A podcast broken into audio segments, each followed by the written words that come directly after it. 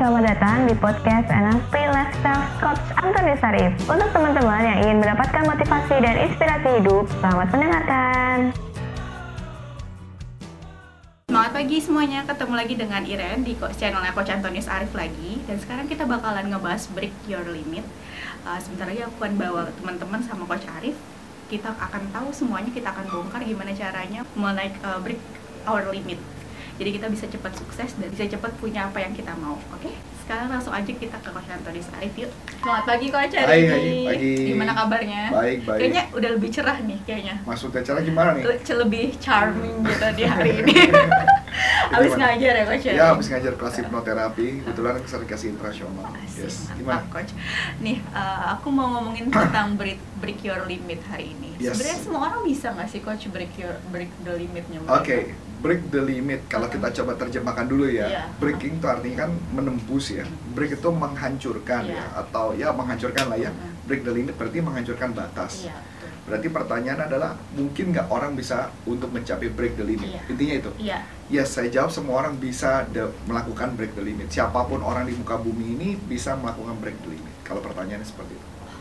Kalau uh, contoh simpelnya nih coach dalam dunia kenyataan pada saat kita mau break the limit terus uh, terus kita kayak ah udah deh kayaknya udah cukup nih sampai saat ini. Kita harus ngapain tuh coach? Oke, so sebelum bicara mengenai itu, Mhm. eh, mengenai orang sudah merasa cukup Mhm. tentang itu, sebelumnya saya mau bicara dulu. Mm-mm. Ketika kita bicara break the limit, adalah dia mempunyai keyakinan, Mhm. itu dulu yang paling penting kan, dia punya keyakinan bahwa dia bisa break the limit. Yang jadi masalah yang saya temukan, dan itu dilakukan penelitian di seluruh dunia oleh para orang-orang terkenal di dunia, dia menemukan bahwa ada satu hal yang membuat manusia kenapa nggak bisa break the limit. Yang tidak bisa membuat break the limit adalah mereka sendiri tidak percaya, mereka tidak believe. Hmm. Kata kuncinya believe dulu. Mereka tidak believe atau disebut ada beberapa orang yang menyebut power of belief. Mhm. Mereka nggak punya power of belief untuk menembus batas. Jadi kalau mereka nggak believe untuk menembus batas, maka otomatis nggak akan bisa. Hmm. Saya ambil contoh, banyak atlet yang merasa bahwa tidak bisa melewati angka tertentu Hmm. atau tidak bisa mengangkat barbe- apa, mengangkat beban tertentu. Itu karena dia sudah membatasi belief itu. Iya.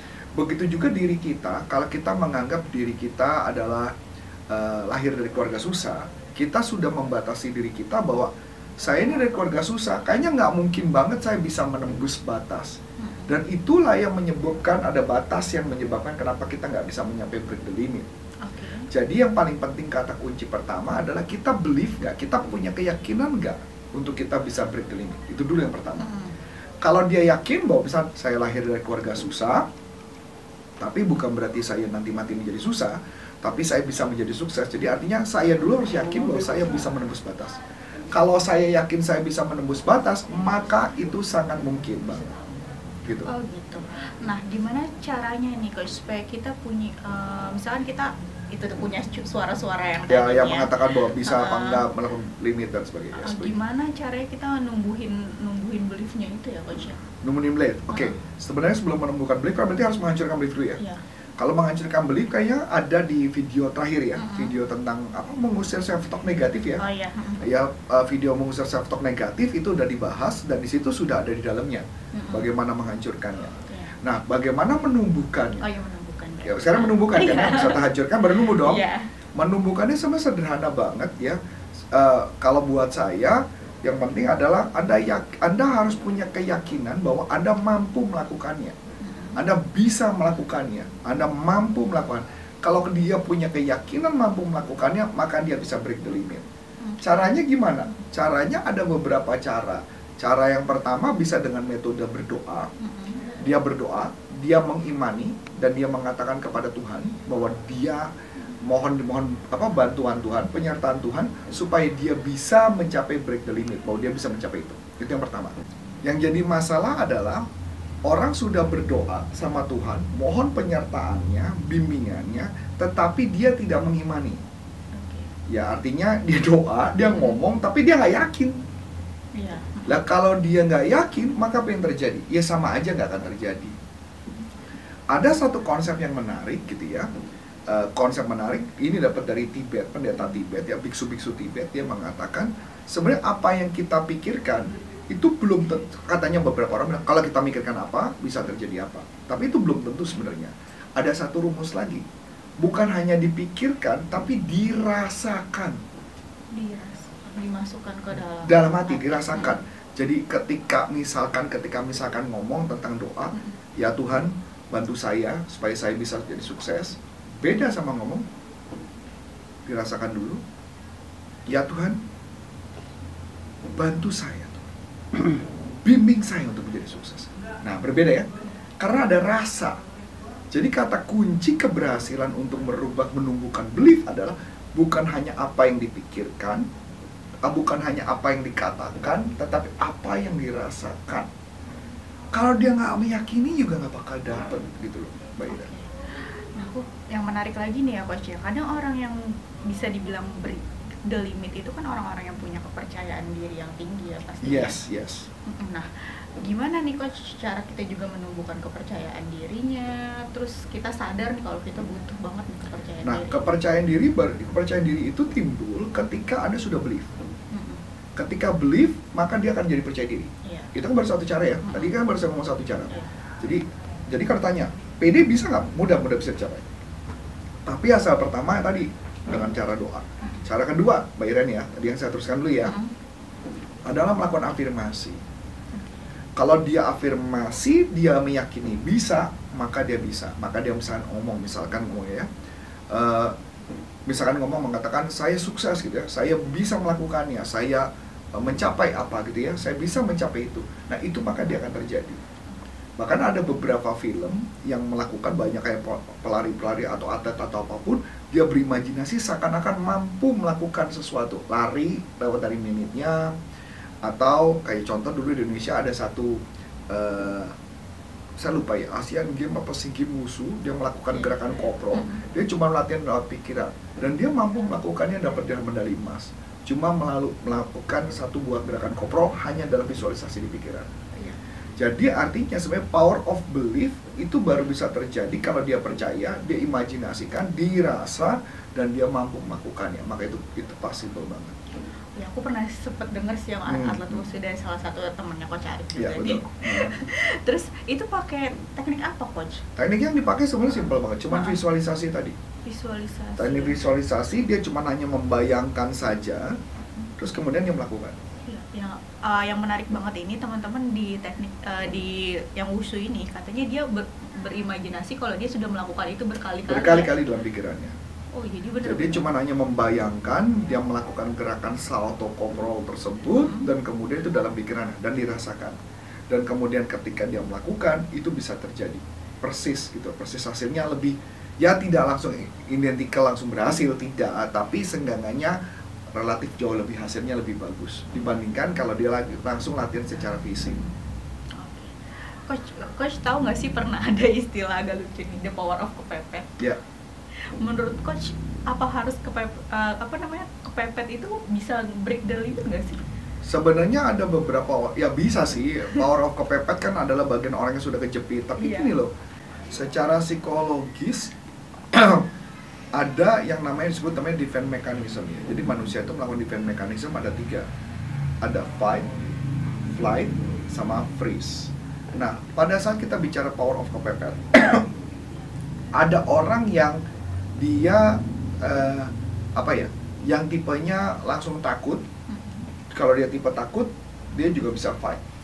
Iya, dia bisa langsung fight kalau dia takut merasa aduh gawat nih kalau gini. Kan ada orang yang takut masalah gini takut bisa membuat jadi energi dia untuk mengejar impiannya Iya. untuk break the limit tapi ada juga yang takut yang membuat dia malah menghindar dalam arti sesungguhnya Oh, NLP away from itu ya pak? ya away from tapi bisa jadi bagus Oke. tapi tergantung uh, keputusannya away from-nya artinya away from dia lari ke tujuan atau away from-nya malah menghindar sekalian Hmm, alias iya. back off gitu loh back off atau ada orang yang jadi toward dia ngejar dia ngejar banget tuh jadi artinya dia fight atau flight menghindar mengabur fight berarti dia lawan berarti dia dia, dia mau berjuang. Kalau uh, flight kabur menghindar. Yang paling parah ada satu bukan paling parah ya ada satu kondisi lagi. Begitu dia dapat kepepet kondisinya berat banget yang muncul malah freeze. Beku. beku dia nggak ngakuin apa-apa. Udah deh gue mati-mati juga ya udah pasrah aja deh. Oke. gitu loh. Itu yang membuat kenapa banyak orang yang nggak bisa break the limit. Yang dia merasa bahwa kehidupannya sudah begini ya sudah gini aja dia nggak bisa apply sayang banget ya coach betul. Energi apa ya yang kita butuhkan banget pada saat kita mau break the limit? Sebenarnya orang break the limit itu baru bisa terjadi kalau satu dia punya impian. Dia punya impian yang sangat besar. Yang kedua dia believe bahwa dia bisa mampu melakukannya. Dua.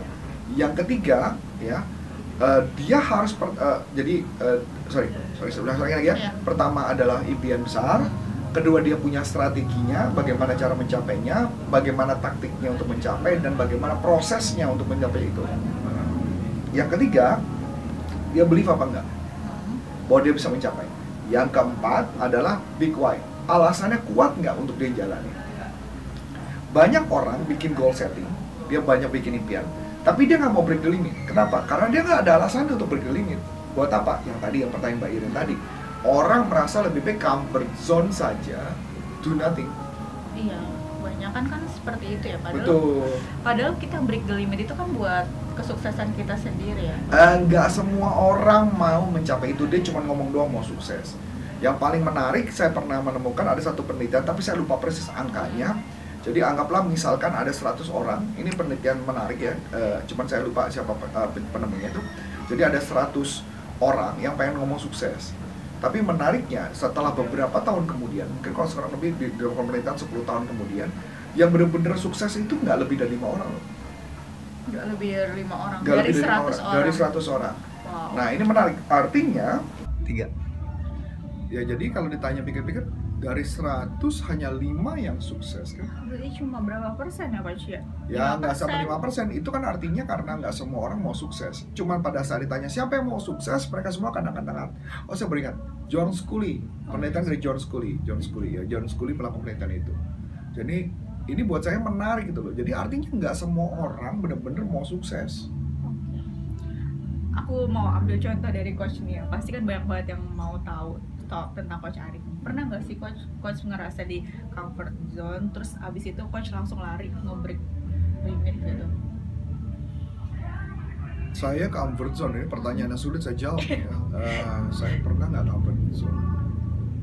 Enggak ya kayaknya ya. Ya kalau comfort zone cuma hanya beberapa bulan sih kayaknya iya pernah ya. Tapi eh, oh gini mungkin. Saya pernah dari satu sampai satu titik saya ngerasa ya di dunia training ya seperti ini aja cukup Iya. gitu buat saya karena ibaratnya income-nya sudah cukup, penghasilan sudah cukup. Tapi saya mulai menyadari bahwa saya melihat bahwa saya bisa sebenarnya si Antonius Arif ini bisa melakukan sesuatu yang berbeda, bisa menggarap bukan menggarap ya, bisa memberikan kontribusi kepada dunia lebih besar. Kenapa nggak saya manfaatkan? Makanya salah satunya video ini kan sebenarnya kita juga termasuk memberikan sharing gratis ya, Betul.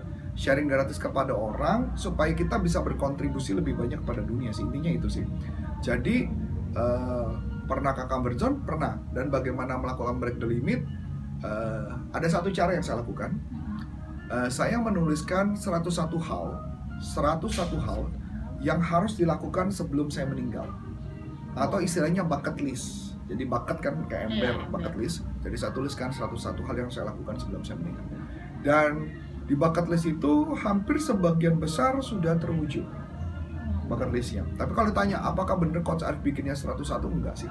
Saya bikinnya cuma hanya sampai berapa ya 50-60 saja sisanya karena saya bingung mau apa lagi yang saya harus capai tapi paling enggak itu bisa jadi acuan saya saya mau mencapai sesuatu sih Jadi kalau itu namanya bucket bucket list. bucket list Bisa mirip sama goal setting ya sebenarnya enggak? agak berbeda kalau goal setting adalah saya mau mencapai apa di berdasarkan bucket listnya itu Hmm. jadi salah satu bucket list dijadikan goal setting tapi kalau bucket list benar-benar dilakukan ditulis 101 hal yang harus dilakukan sebelum saya meninggal Berarti itu kayak big dream 56 Uh, dream big- yang saya harus dapat lah sebelum saya meninggal Oke. Jadi dream-dream apa saja yang saya dapatkan, apa yang saya lakukan.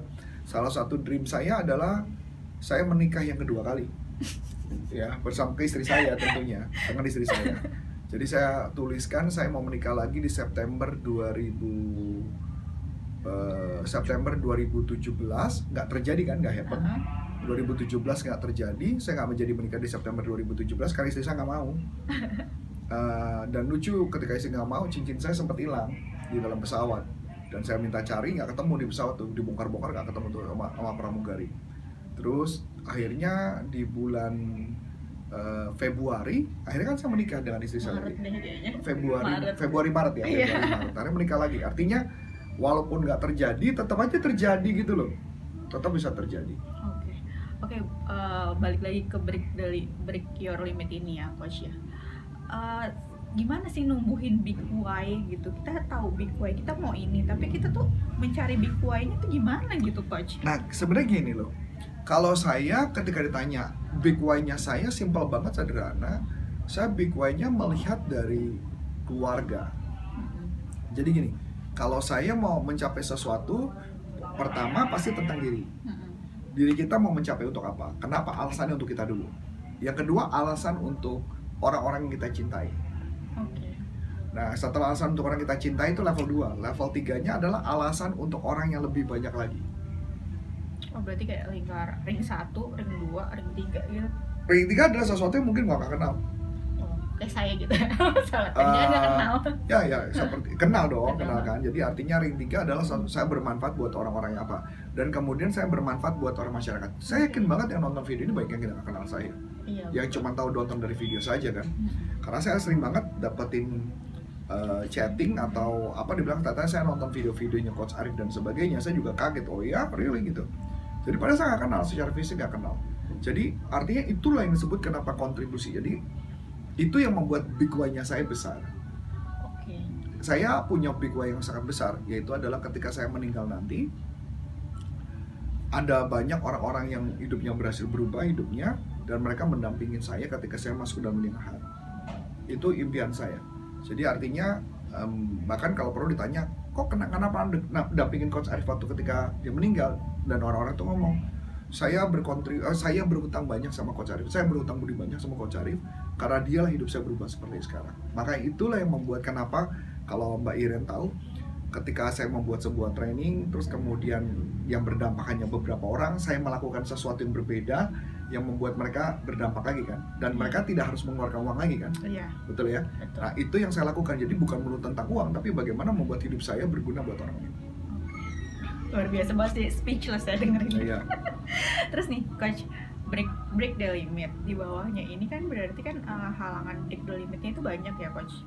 Mental block, luka batin, tidak percaya diri. Sebutin tiga hal aja, coach, yang yang harus kita kita tumbuhkan supaya kita bisa break the limit.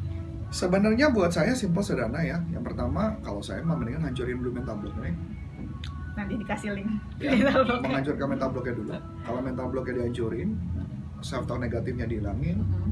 punya impian, ya punya impian, dia yakin dia yakin dia mau mencapai pasti bisa. Oke. Jadi kalau ditanya, eh, sometimes nggak confident pun nggak apa-apa, sometimes nggak confident nggak apa-apa. Yang penting dia melakukan komitmen. Yang penting komitmen. Buat saya nggak percaya diri nggak penting, tapi komitmen melakukannya itu yang paling penting. Misalkan contoh, dulu saya, misalkan contoh gini contoh simpel, saya harus berolahraga. Saya males banget banget pagi. Saya bukan tipe, saya bukan tipe morning person. Iya. pasti bukan morning person. Saya tipe night person gitu ya. Tapi pertanyaan menarik adalah eh, tetap nggak saya bangun subuh? Saya tetap bangun subuh. Saya tetap berolahraga. Saya tetap melakukan meditasi saya tetap melakukan kebiasaan membaca buku. Saya tetap dulu menulis artikel kan Hmm. yang sampai 385 halaman eh, buku baru ya. Iya. tapi nggak tahu bukunya tuh bakal dicetak apa enggak sama eh, tim saya Mbak Mei saya nggak tahu itu Hmm. bakal dicetak apa enggak tapi intinya saya harus melakukan sesuatu.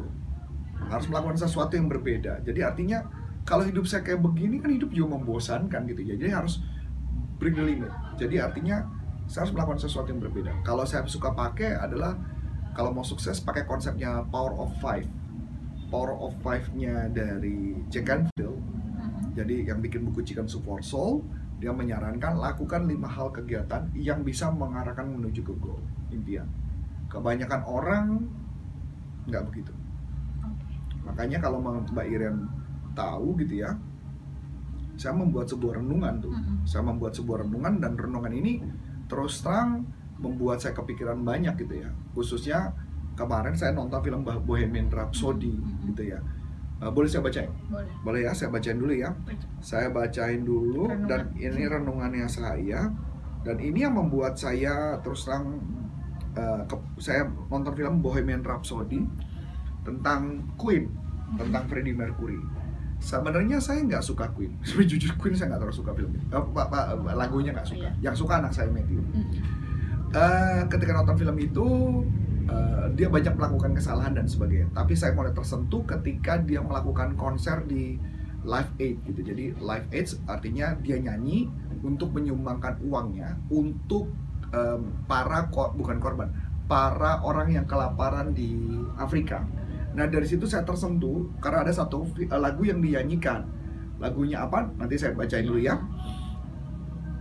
Jadi saya bacakan ini renungan saya. Ya, kebetulan renungan ini saya ciptakan karena saya lihat banyak banyak banyak banget orang-orang yang menyerah dalam hidup. Dan saya nggak, saya ngerasa, hey hidup ini panjang loh, kenapa gampang banget nyerah sama hidup gitu loh. Ya, perenungan. Jadi perenungan movie Bohemian Rhapsody. Saya baru saja selesai menonton film Bohemian Rhapsody, di mana menceritakan tentang perjalanan band Queen. Di mana vokalis Freddie Mercury banyak melakukan kesalahan dalam hidupnya. Walau akhirnya kena penyakit AIDS yang akhirnya merenggut nyawanya.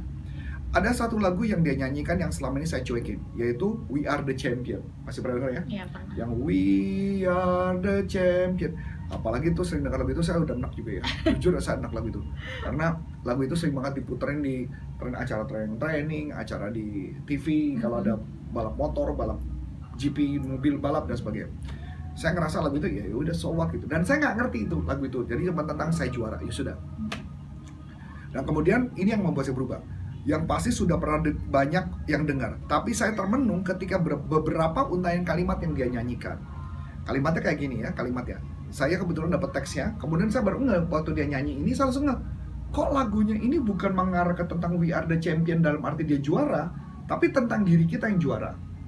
Diri kita adalah pemenang, bukan si pemenang juara lomba, bukan. Tapi kita semua, all the manusia human adalah juara. Nah ini banyak. Dia bilang nih, I've paid my due. Itu kan I've paid my due adalah telah telah tunaikan tugasku. Time after time dari waktu ke waktu. I've done my sentence. Artinya telah kujalani perjalanan ini atau hukumanku udah aku jalani. Berarti dia, wah, dengan menarik kan? Ku jalani hukuman. Berarti apa ini? Ternyata saya jauh lebih mengerti. Telah ku jalani hukuman artinya dia selama ini pernah buat banyak kesalahan, ya kan? But commit no crime, kan gitu kan ya? Meski tak pernah kulakukan kejahatan itu. Nah, lucu kan? Jadi banyak orang gitu kan? Jadi banyak rasa kita dihukum dengan problem-problem dengan masalah kehidupan, tapi kita sebenarnya nggak pernah melakukan kejahatan. Kita orang, ya kita baik, kita cuma mau menghidupkan keluarga, kita pengen bagian keluarga, tapi kok kenapa hidup kita susah, hidup kita masalah, betul nggak? Pernah ngalamin kayak gitu kan? Nah ini menarik.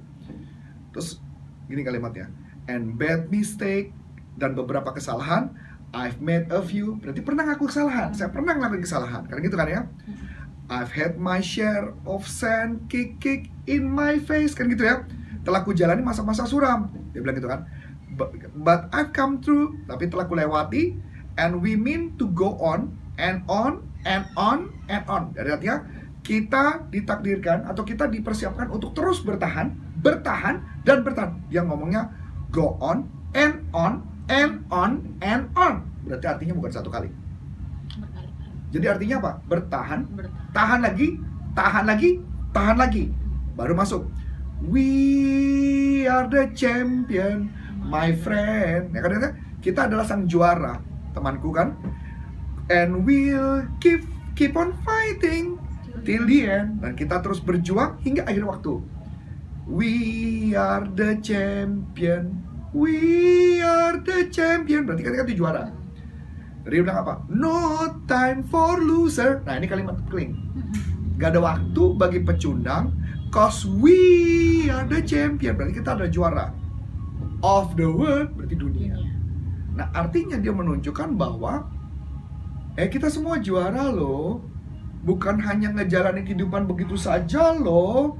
Tapi banyak orang menyerah. Karena dia ngerasa ngejalanin hukuman saja. Betul nggak? Betul betul. ya jadi langsung saya jawabin saya langsung menjadi flashback orang-orang yang pernah saya coaching atau ikut training dengan saya dan tim saya. Banyak yang menjalani kehidupan sekedar menjalani saja. Padahal kita semua juara untuk dunia ini. Dan tidak ada waktu bagi pecundang. Dek saya bilang gitu ya. Berapa banyak yang orang yang akhirnya menyerah sama hidup. Baru ada masalah hutang masalah keluarga pasangan anak bisnis bahkan penyakit sudah mulai penyerah Ini prinsip yang saya tidak sadari sudah saya gunakan dalam hidup saya. Saya pernah minum baygon, gitu ya. Saya pernah mau bunuh diri. Saya pernah hampir bercerai karena kesalahan saya. Saya pernah mengalami sakit yang mengganggu kehidupan saya. Saya pernah punya hutang miliaran. Saya pernah hampir tidak bisa memberikan susu untuk anak saya, Matthew dan Janice waktu, waktu bayi. Saya pernah tidak mendapatkan order training yang terpaksa membuat saya menjual dua mobil dan menjual rumah saya. Ya, saya pernah ya menjual rumah tapi rumahnya nggak jadi Nggak jadi nggak laku laku sampai hari ini juga nggak laku ya. Tapi jual artinya Tuhan memang Iya. tidak mengendak itu terjadi kan. Tapi dua mobil terjual kan. Ya dan saya pernah berhutang kontrakan kantor yang tidak besar. Masih ingat kan Iren ya? Pernah ngalamin masa itu kan? Ya. Dan Iren karena ngalamin karena diuber-uber untuk ditagih ya. Dan saya pernah mengalami konsultan pajak saya membawa lari uang. Dan Iren juga ngalamin Iya. itu karena Iren yang sering ke kantor pajak waktu itu kan ya bawa lari uang pajak saya yang membuat saya membayar ulang pajak saya betul nggak saya juga telah berhasil melewati gula darah serta tensi darah yang tinggi sekali. Kan Iren juga tahu tuh. Dan semua bisa saya lewati dan puji Tuhan saya percaya kuasa Dia yang memberikan saya kekuatan. Dia membuat saya mampu. Dia loh, bukan saya yang mampu, tapi Dia yang membuat saya mampu melewati dengan baik. Karena Tuhan baik. Kalau we are the champion, no time for loser because we are the champion of the world. Jadi Mau nyerah. Malu sama Tuhan yang telah memberikan kita kemampuan. Ya nggak? Malu sama Tuhan dong yang memberi kita kemampuan. Tetapi kita sendiri tidak percaya bahwa dia membuat kita mampu. Kan banyak orang gitu tadi kan berdoa tapi nggak meyakinkan udah nggak percaya bahwa dia membuat kita mampu. Sama saja kita tidak percaya bahwa dia maha kuasa semua bisa dilakukannya. Itulah renungan saya tanggal 1 November 2018 jam 20.34 di dalam kamar saya. Di dalam kamarnya harus disebutin ya? Yes, dalam kam- ya itu yang saya bilang. Jadi artinya saya ngerasa bahwa we are the champion, bahwa semua manusia bisa ngelakuin. Tapi mau nggak kamu jadi we are the champion? setelah cerita yang tadi nih coach. Aku bisa nggak sih aku menyimpulkan sebenarnya itu kita nggak punya limit dalam diri kita. Tapi orang yang melimiti dirinya sendiri Eh, pada saat Tuhan menciptakan manusia, Tuhan tidak pernah memberikan satupun limit di dalam hidup kita. Tuhan memberikan kita sesuatu yang tak terbatas. Tapi yang membuat terbatas itu adalah manusia sendiri. Dan buat saya pribadi adalah tugas kita adalah bagaimana kita percaya. Gini loh. Tuhan memberikan kita talenta. Mata saya buta sebelah kanan. Saya pernah mengalami masalah. Jadi kan persis banget I paid my due gitu kan ya sama banget gitu loh. Tapi saya harus melewati itu dengan baik karena saya diberikan kepercayaan Tuhan sampai hari ini. Saya diberikan kesembuhan, saya diberikan kemampuan untuk melakukan yang terbaik. Dan begitu juga ketika Anda diciptakan manusia, ingat loh tugas kita sebagai umat manusia yang Tuhan ciptakan pasti punya arti dalam hidup. Iya. Itu yang paling penting sih. Oke, jadi guys, jadi teman-teman kesimpulannya hari ini adalah jangan pernah batasi diri sendiri. Jangan pernah batasi diri bahwa semua manusia bisa mencapai limit sih. Itu Iya, aja intinya. Oke, coach, ada lagi yang mau disampaikan? Enggak gitu aja. Gitu Itu cukup. aja. Saya hampir menangis ini sebenarnya. Oke, pokoknya teman-teman thank you udah nyaksiin video kita kali ini. Kalau ada pertanyaan boleh komen di bawah ini. Kalau ada materi yang mau kita bahas boleh juga komen di bawah ini. Dan jangan lupa like, subscribe, komen, sama share ke semua teman-teman supaya kita bisa membantu sesama Iya, ya. supaya kita bisa bantu orang lebih banyak lagi. Iya, tentunya. betul. Semoga terinspirasi dengan video kali ini. Saya Iren. Saya Antoni Sarif mengucapkan terima kasih, sukses buat Anda, dan salam, Salam performance. performance. Bye-bye. Nah, untuk teman-teman yang sudah menerangkan, terima kasih ya dan nantikan podcast selanjutnya.